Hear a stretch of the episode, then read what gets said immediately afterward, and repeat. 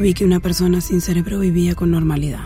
Los médicos no se lo creían, pensaban que era un truco o una broma, pero todas las pruebas que le hicieron lo confirmaban. A esa persona le faltaba el cerebro. Després de 12 edicions, el Cerdanya Film Festival fa un pas endavant i prioritza la qualitat per sobre de la quantitat. Aquest any s'han seleccionat només un centenar de títols, la meitat que en edicions anteriors, i això eleva el nivell d'exigència.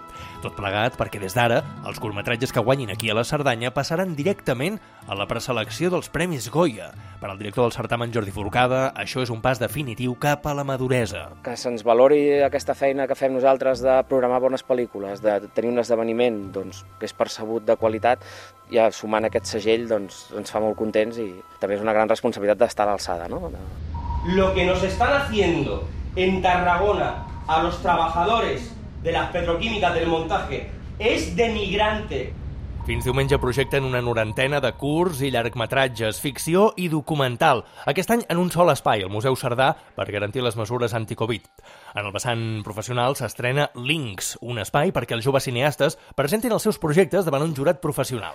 I aquests projectes en desenvolupament que puguin trobar aquí en el nostre festival a productors sènior o mentors perquè es puguin dur, dur a terme. És un pol d'atracció de, de professionals i de projectes i, ostres, això ens fa molt contents. Intentaran que aquestes noves produccions es rodin a la Cerdanya per reactivar la producció audiovisual aquí al Pirineu.